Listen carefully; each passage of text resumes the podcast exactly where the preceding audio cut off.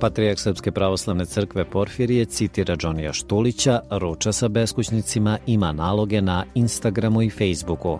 No bez obzira na ove poteze koji su stekli simpatije javnosti, za neke nije bilo razumevanja poput davanja najvišeg crkvenog ordena jednom od protagonista režima Slobodana Miloševića 90-ih, te sletanja helikopterom pred manastir na Cetinju zbog ustoličenja mitropolita Crnogorskog primorskog. Koliko je zaista Porfirije iskoračio i iz konzervativizma Srpske pravoslavne crkve, na čije čelo je izabran u februaru 2021. poslušajte u podcastu Između redova koji je pripremila Ljudmila Cvetković. jedan moj prijatelj, ne znam da li je posumnjao ili i on bio u horu oni koji su morali tako da postupe. Rekao je, ima više porfirija. Tri su veli porfirija, najmanje njemu poznata. Ali postoje zapisane reči, postoje učinjena dela, pa neko, neka ceni svako koliko je porfirija.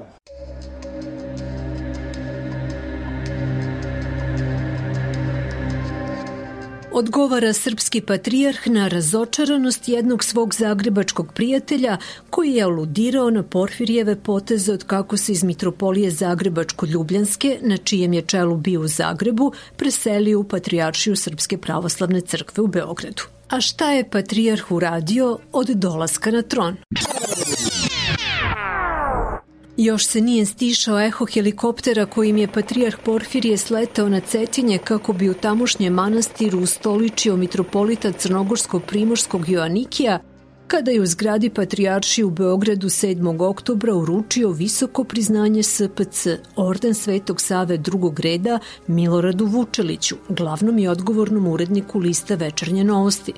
Vučelić koji je bio na čelu radio televizije Srbije 90-ih u vreme režima Slobodana Miloševića i ratova na prostoru bivše SFRJ, kada se ta medijska kuća istakla ratnom propagandom, odlikovan je na predlog Patrijarha za uspešnu saradnju novinar novinarski profesionalizam i afirmaciju hrišćanskih vrednosti i vrlina. Vi ste pre sada već mogu da kažem mnogo decenija dok ste bili najpre direktor radio televizije Vojvodine u Novom Sadu, a onda i direktor nacionalne televizije u Beogradu, otvorili vrata, a sada ću samog sebe ispraviti. Ne samo da ste otvorili vrata, nego ste dali i trudili se da mi iz crkve imamo apsolutno sve mogućnosti da sa malih ekrana govorimo o svojoj veri kao da govorimo iz samog hrama ili sa oltara crkve. Prenete su reči patrijarha na sajtu SPC i dok su u Srpskoj pravoslavnoj crkvi uvereni u Vučelićev doprinos afirmaciji hrišćanskih vrednosti i vrlina, više od hiljadu novinara je otpušteno početkom 90-ih sa te televizije dok je Vučelić bio na njenom čelu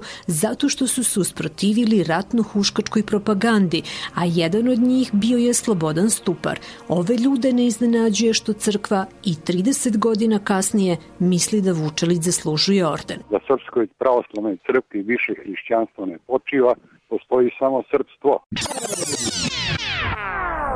a upravo je za promociju srpstva čelnik SPC optužen na Cetinju gde je uz jake policijske snage i protivljenje tamošnjeg stanovništva ustoličio mitropolita Crnogorsko-Primorskog Joanikija. Neizvesnost da li će ustoličenja biti odno je helikopter vojske Crne Gore kojim su sleteli Porfiri i Joanikije praćeni specijalnom antiterorističkom jedinicom, a put od letelice do manastira prešli su zaklonjeni pancir ćebetom.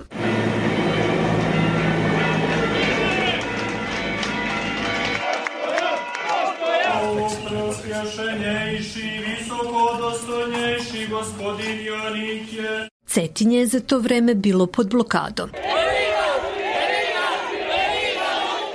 Za vreme crkvenog obreda u gradu su se sukobili policija koja je bacala suzavac i građani koji su odgovarali kamenicama. Povređeno je oko 60 osoba.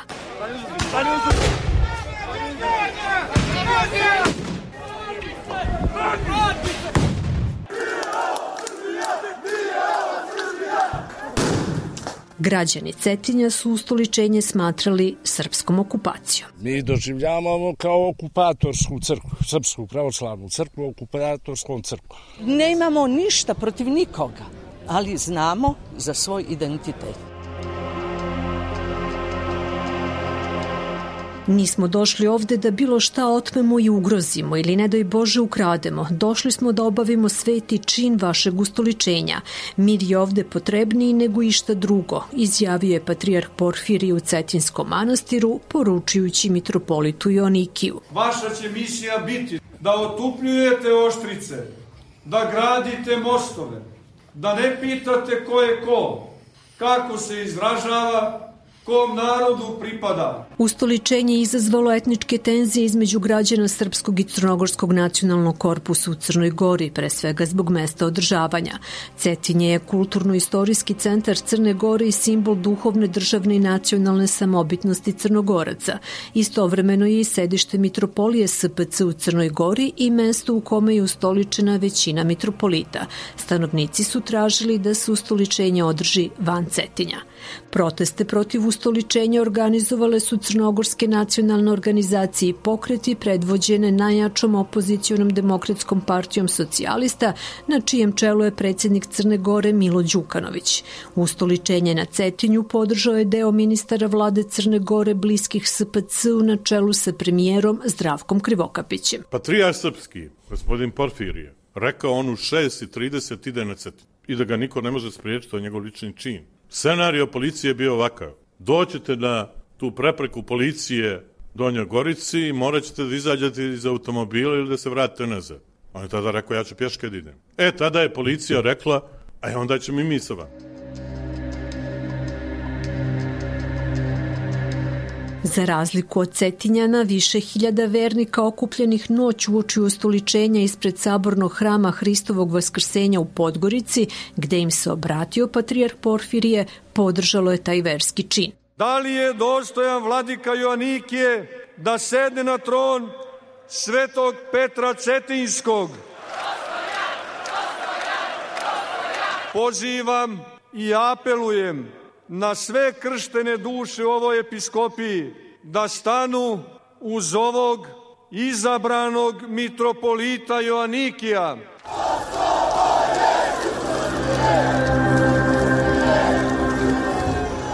O Kosovu se pevalo i u dvorištu Cetinskog manastira.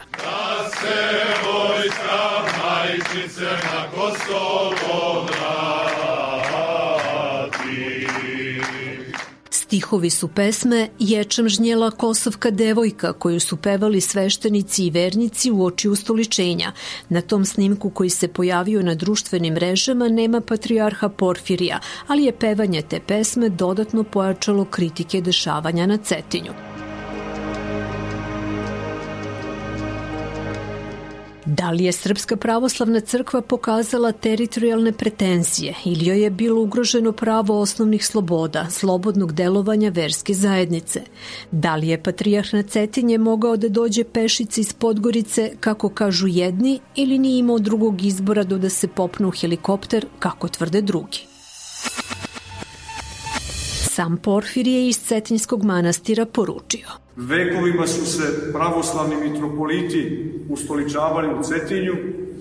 Neko je proglasio da to ne treba tako da bude, iako mi sada nemamo drugo rešenje, jer sprovodimo ono što je prirodno i normalno, bivamo definisani kao neko ko nešto na silu nameće i kao neko ko ne razume situaciju i kao neko ko provocira. Par nedelja kasnije, patrijarh je obraćajući se vernicima ispred manastira Đurđevi stupovi u Beranama negirao da SPC ima pretenzije na teritorije, da ugrožava suverenitet i da se bori za vlast. On je tada rekao da se granice crkve ne mogu menjati kad god se promene granice država. Kao što ne postoji vidljiva granica između ovog i onog sveta, tako i ovde na zemlji istinsku ljubav koju osjećamo jedni za druge, a Bog nam ju je darovao, ne može zaustaviti nikakva granica, mako postavio tu granicu. Crkvu ne možemo poistovetiti ni sa jednom političkom ili bilo kakvom državnom granicom. Patrijarh se u Beranama, gradu na severu istoku Crne Gore, u kome dominantno žive građani koji se nacionalno izjašnjavaju Srbima i vernici su Srpske pravoslavne crkve, osvrnuo i na javne kritike u Crnoj Gori što nije pominjao crnogorski narod u svojim govorima. Neka bude kogod hoće crnogorac, a onaj ne samo koji hoće, nego koji zna svoje korene, svoje stablo, plodove Vasojevićevog stabla zna i hoće da pripada srpskom narodu. I ipak još jednom, ali to ne znači da mi ne prihvatamo, ne razumemo, ne poštujemo, ne grlimo i one koji žive pored nas, a deklarišu se, osjećaju da su Crnogorci. Crnogorska pravoslavna crkva obnovljena je 1993. na Cetinju kao deo otpora na rastajućem srpskom nacionalizmu i buđenja crnogorskog nacionalnog identiteta. Zvanično je registrovana kao verska zajednica 2000.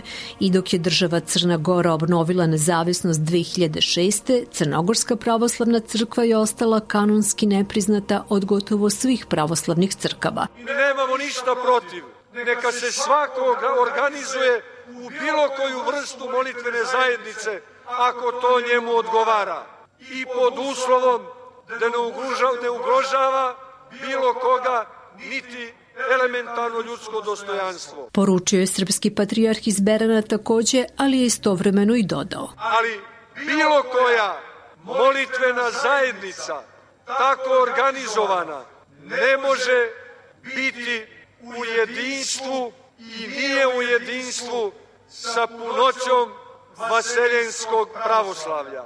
I kao takva ne može nikada uzeti i ukrasti identitet pravoslavnoj crkvi koja ima svoju kanonsku jurisdikciju i ovde na ovim prostorima.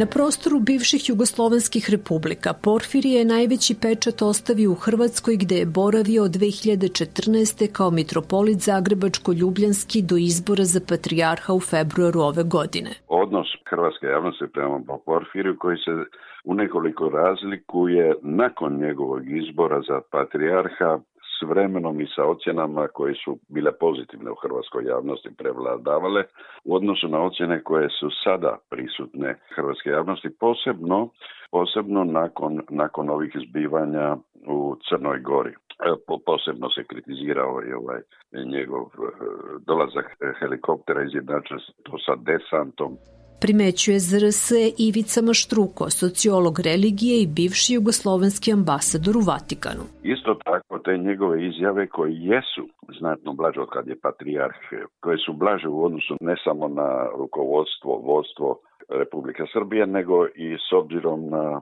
kao usporedimo sa izjavama njegovih prethodnika.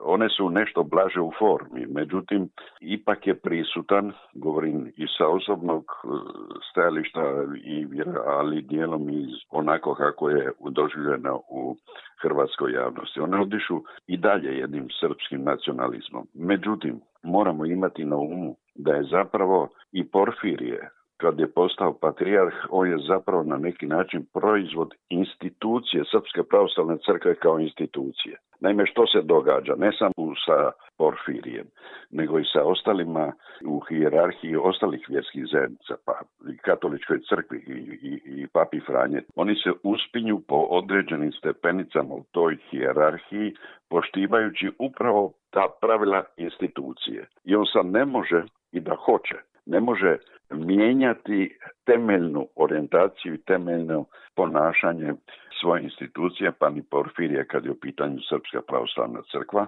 I zato je već nakon što je postao patrijarh mogao je ublažiti u određenoj mjeri svoje istupe, staviti ih, rekao bih, u drugu vrst staniola, ali u osnovi ostaje i dalje ona temeljna orijentacija Srpske pravoslavne crkve, a to je jedan izraziti nacionalizam. U kojim izjavama patrijarha Porfirija čitate nacionalizam? U svim njegovim porukama, svugdje u porukama, čak i ovo kad govori, kad govori, kad govori o pravoslavu, kad govori o, o, o srpskoj, srpskoj pravnoj crkvi.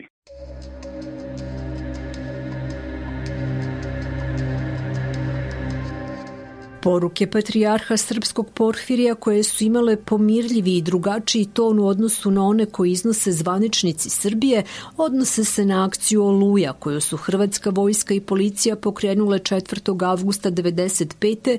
tokom rata u bivšoj SFRJ protiv snaga samoproglašene Republike Srpske krajine kao i na stradanja u Ustaškom logoru Jasenovac tokom drugog svetskog rata. Naš odgovor je molitva i praštanje, rekao je patrijarh u besedi posle svete arhijerijske liturgije u manastiru u Jasenovcu 13. septembra. Nikada se ovde nismo sabirali da bismo se bavili brojkama, matematikom, da bismo se bavili dokazivanjem ko je kome više zla naneo.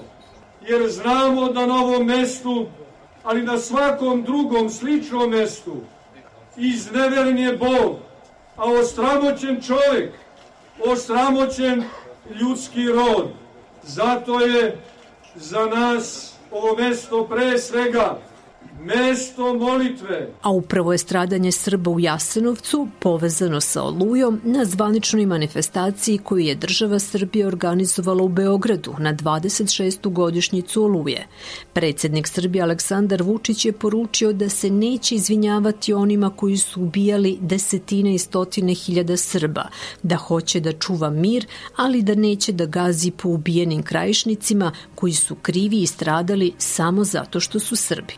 Poruka poglavara SPC Porfirija na istoj manifestaciji bila je pamtimo, ali ne zlopamtimo. Moleći se danas za postradale, za naše bližnje, ne želimo da zloupotrebljavajući žrtve produbljujemo spiralu sukoba, niti da vodimo ratove komemorativnim politikama sećanja, a još manje da uđemo u matricu za pomaganja i parališemo sebe zatvaranjem u trajno, bespomoćno i bezizlazno, bezizlazno stanje žrtve. Porfirije je tada rekao da je kao mitropolit Zagrebačko-Ljubljanski mnogo puta bio u Dalmaciji i zavolao je. Malo gde mi je nebo bilo tako blizu kao tamo.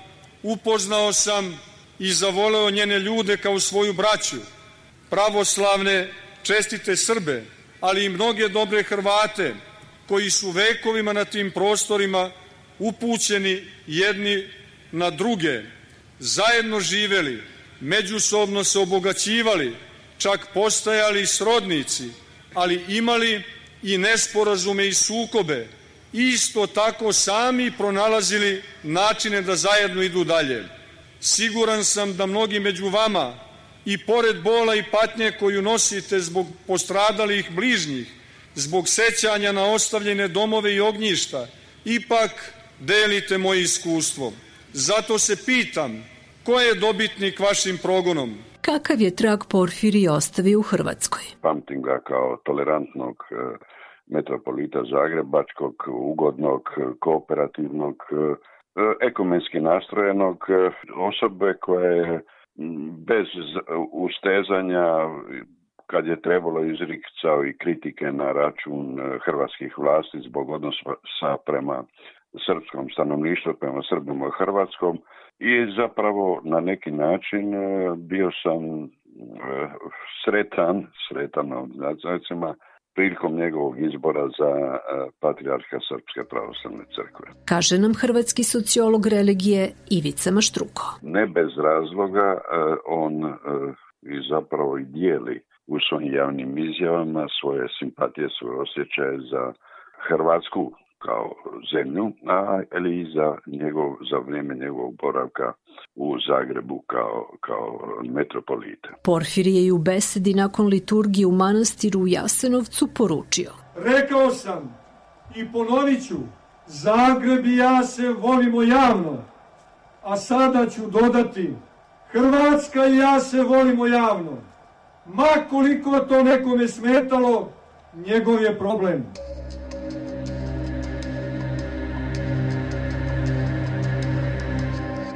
No po nekim pitanjima Patrijarh Porfirije ostoje na već poznatim stanovištima SPC, koja su izvanična državna politika Srbije. Jedno od njih tiče se nepriznavanja genocida u Srebrenici. Porfirije je u jednoj od beseda koje drži na verske praznike kritikovo usvajanje rezolucije u Crnogorskom parlamentu kojom se zabranjuje negiranje genocida u Srebrenici. Oni koji su na krilima i u snazi mitropolita Amfilohija došli na mesto da grade mostove, da otupe oštrice.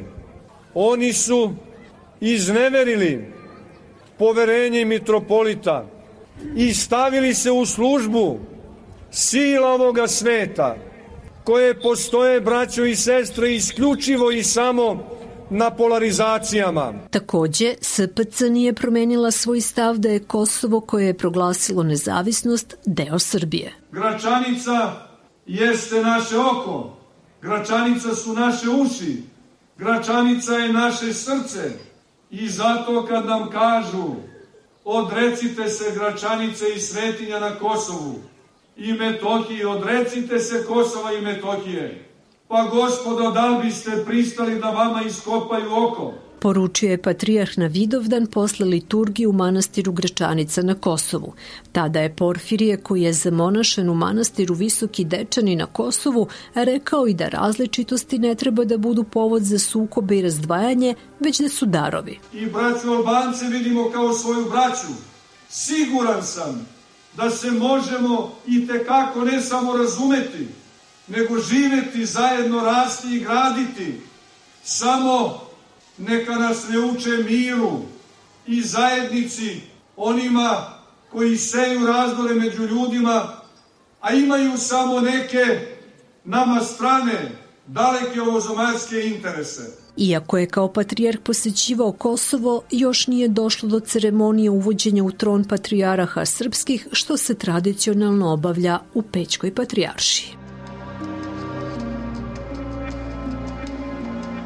Za Vladimira Veljkovića, istoričara iz Srbije i poznavaoca crkvenih prilika, neke izjave patrijarha poput onih koje se tiču međusobnog odnosa ličnosti i zajednice su prihvatljive, ali Veljković primećuje. Promišljanje uopšte o temi e, moderniteta podrazumeva i određenu sposobnost za samokritiku, naročito onih e, aspekata e, crkvenog života i crkvene ideologije koji su u e, nekim periodima eventualno e, išli na ruku e, nekim antimodernističkim ili represivnim tendencijama, ali trenutno ne vidimo nikakve naznake niti spremnost da se o tome govori ili da se, da kažem, nešto bitno radi u tom pravcu.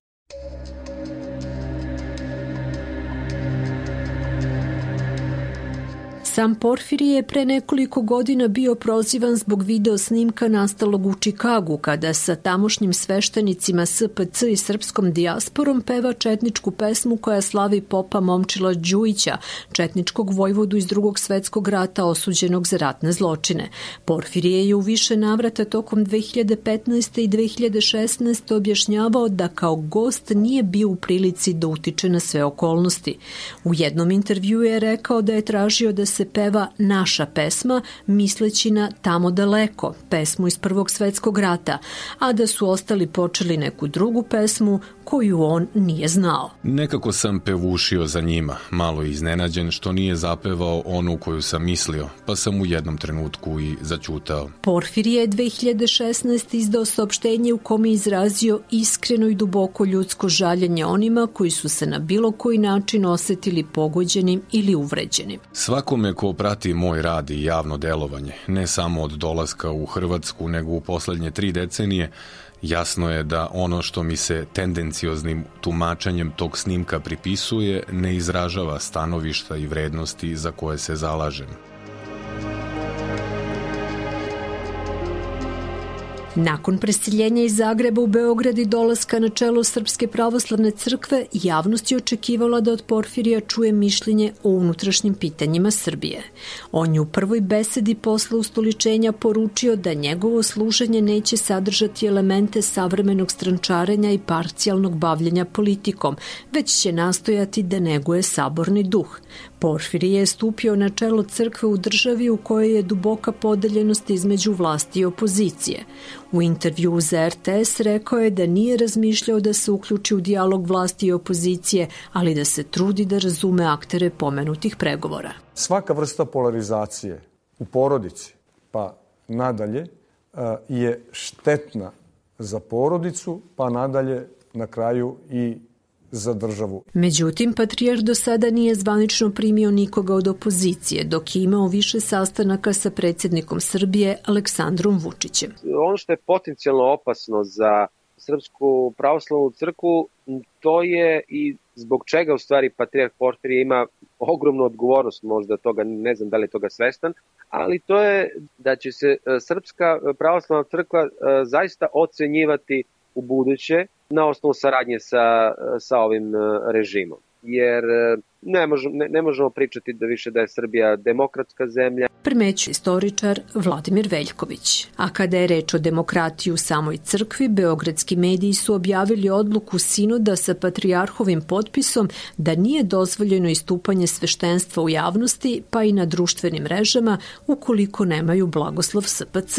Nažalost, imamo nekakvu potpunu dominaciju patrijarha Porfirija u javnosti. On je e, potpuno sa, sa tim svojim nastupima zasenio sve druge glasove iz Srpske pravoslavne crkve, osim onih episkopa koji otvoreno i neumesno u svojim izjavama i u svojim javnim nastupima podržavaju Vučićev režim u Srbiji.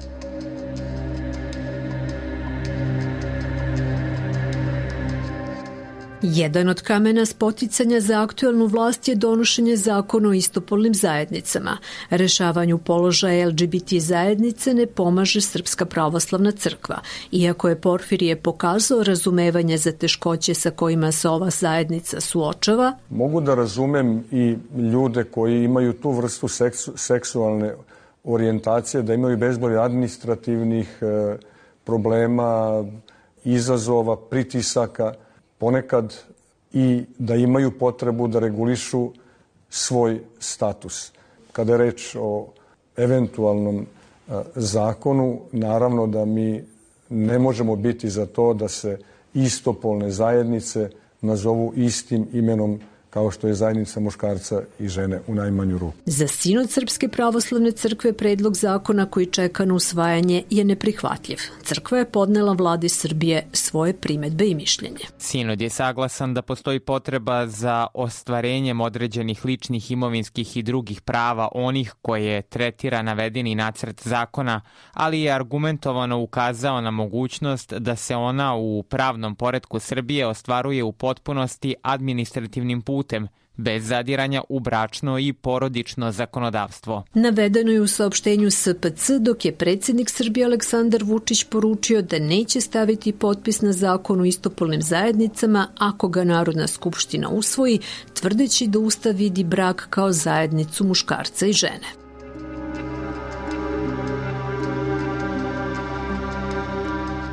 Patrijarh za svoje nekada i radikalne stavove uživa podršku vernika SPC. Dobro odnose ga i sa predstavnicima drugih pravoslavnih crkava poput Ruske. Ubrzo nakon ustoličenja primio je čestitke od pape Franje kojemu je preneo papini zaslanik u Beogradu. No da li bi čuveni papa mobil mogao da stigne i u Srbiju?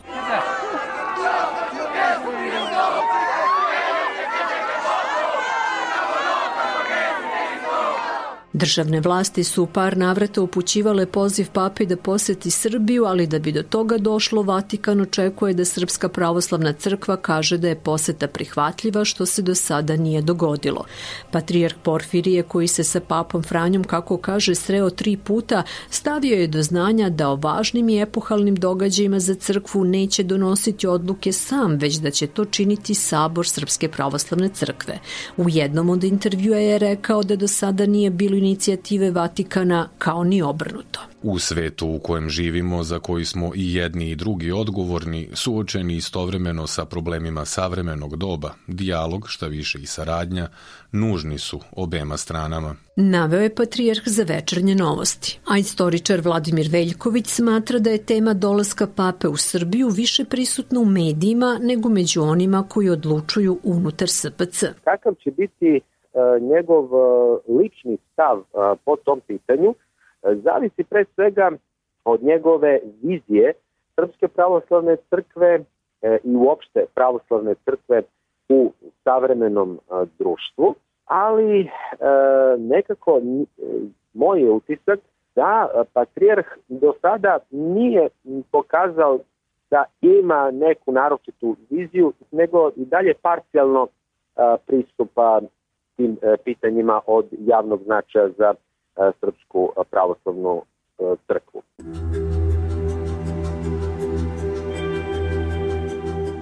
Ubrzo nakon što je postao prvi čovek Srpske pravoslavne crkve, saopšteno je da patrijarh neće davati intervjue, osim u oči velikih praznika ili kada to zahtevaju određene okolnosti i da će o aktuelnim temama govoriti isključivo u propovedima na svetim bogosluženjima. To je objašnjeno time da je patrijarh dobio više od stotinu molbi za intervjue iz zemlje i inostranstva. A patrijarh je imao iskustva u upravljanju medijima i kao član od 2005. a potom i predsednik nekadašnjeg savjeta Saveta Republičke radiodifuzne agencije u Srbiji, današnjeg regulatornog tela za elektronske medije, tada i postao poznat široj javnosti. U radiodifuznom spektru Srbije od tada se čuju i crkvene radiostanice. Dao je ključni doprinos pokretanju niza radijskih i televizijskih emisija koje se bave religijskim temama, kao i crkvenih radiostanica navodi su Porfirijevoj biografiji objavljenoj na sajtu SPC. Porfirije je u to vreme, odgovarajući na kritike o radu tog tela, rekao da ovo telo ima snage onoliko koliko mu zakon daje. Ja bih rekao da je u Remu zapamćen kao neko ko se nije previše bunio i ko nije previše imao nekih zamerki na medijsku sliku u Srbiji. Primećuje danas istoričar Vladimir Veljković. Međutim, Porfirije je promenio komunikaciju crkve sa građanima koristeći društvene mreže. Tako je otvorio Instagram i Facebook naloge u čijem uređivanju i sam učestvuje. Na Instagramu ima skoro 69.000 pratilaca, dok on ne prati nikoga. Nedavno je na Instagram storiju preneo svoje utiske o filmu Toma, životnoj priči legende srpske narodne muzike Tome Zdravkovića. Lep je film o Tomi Zdravkoviću. Mom pokolenju budi sećanja na davne dane, lepe događaje i nezaboravne melodije, a mlađima prenosi iskrenu emociju, otkriva lepotu i tragičnost ljubavi. Na Instagramu je i fotografija sa košarkašicama i košarkašima Beogradskog kluba Crvena zvezda koji su mu uručili počasni dres sa brojem 1 i imenom Porfirije. Najjači utisak ipak ostavio je čestitkom na izboru za gradonačelnika Zagreba Tomislavu Tomaševiću u kojoj je citirao stihove Džonija Štulića i grupe Indeksi. Svojevremeno je veliki zagrebački pesnik Branimir Džoni Štulić pevao kada Zagreb izranja iz sna što me je potaklo da izrazim nadu, koja je u ostalom i nada svih žitelja ovog lepog grada, da je pred nama novo jutro koje će promeniti sve. Na uskrs je u crkvenoj narodnoj kuhinji ručao sa beskućnicima, a potom podelio pakete bolesnoj deci u Univerzitetskoj dečjoj klinici Tiršova. Ljubitelj je klasične muzike, džeza i roka, a obrazovanju je govorio kao o spasonosnoj snazi. Porfirije je napustio studije arheologije i upisao Bogoslovski fakultet u Beogradu. Doktorirao je na Bogoslovskom fakultetu u Atini i predavao na bogosloviji u Beogradu. U njegovoj biografiji ističe se i to da je bio iguman manastira u Kovilju u Vojvodini, kao i da je od 2010. do 2011. bio episkop vojni, a zatim i koordinator za saradnju Srpske pravoslavne crkve i Vojske Srbije kada je bio zadužen da utemelji svešteničku službu u Vojsci Srbije. Govori grčki, engleski i služi se ruskim jezikom.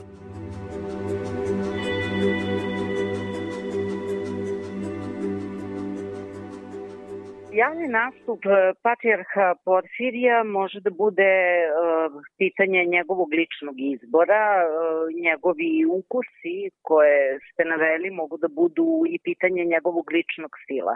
Međutim, ukoliko zaista želi da bude reformator Srpske pravoslavne crkve, onda bi on trebao da je vrati u okvire koji su predviđeni za jednu instituciju te vrste.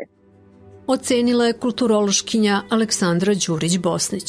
To bi dalje značilo da e, Srpska pravoslavna crkva e, treba da se bavi e, duhovnim e, standardom i, i e, duhovnim rastom svojih članova i članica To bi dalje značilo da ona ne bi e, trebala da nastavlja e, stil iz 90-ih, e, odnosno da se bavi e, ideološkim pitanjima, e, da se bavi ovozemaljskim teritorijama i da bude, nažalost, neka vrsta e, produžene ruke e, e, aktuelnih ili tada aktuelnog političkog režima. Ona smatra da ukoliko patrijarh Porfirije hoće da bude reformator, onda bi to podrazumevalo mnogo više od ovoga što smo do sada videli i mnogo ozbiljniji spektar radnje. Ničega nema prirodnijeg nego da se e, institucija poput Srpske pravoslavne crkve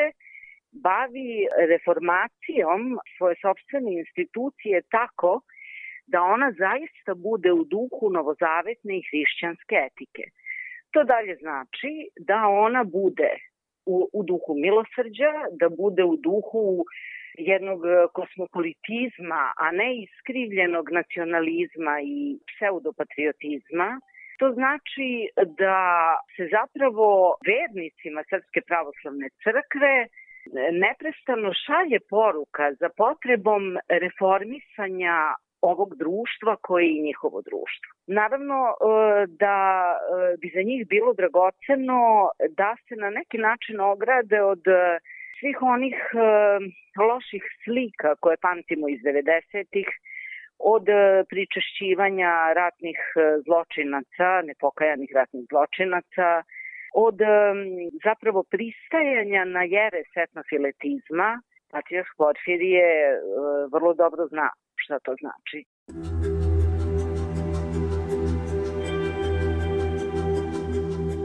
Da želi da bude mostograditelj između ljudi i naroda, Patrijarh Porfirije više puta naglašavao u svojim besedama. Od reči do dela, za prvih osam meseci koliko je na čelu Srpske pravoslavne crkve, nije se daleko odmaklo. Pored smirivanja tenzije u regionu gde Srpska pravoslavna crkva ima svoje vernike, a samim tim i društveni uticaj, pred Patrijarhom bi trebalo da bude i zadatak da utiče na izgradnju dijaloga u društvu u Srbiji, podeljenog na oštre kritičare i pristalice vlasti na čelu sa Srpskom naprednom strankom Aleksandra Vučića.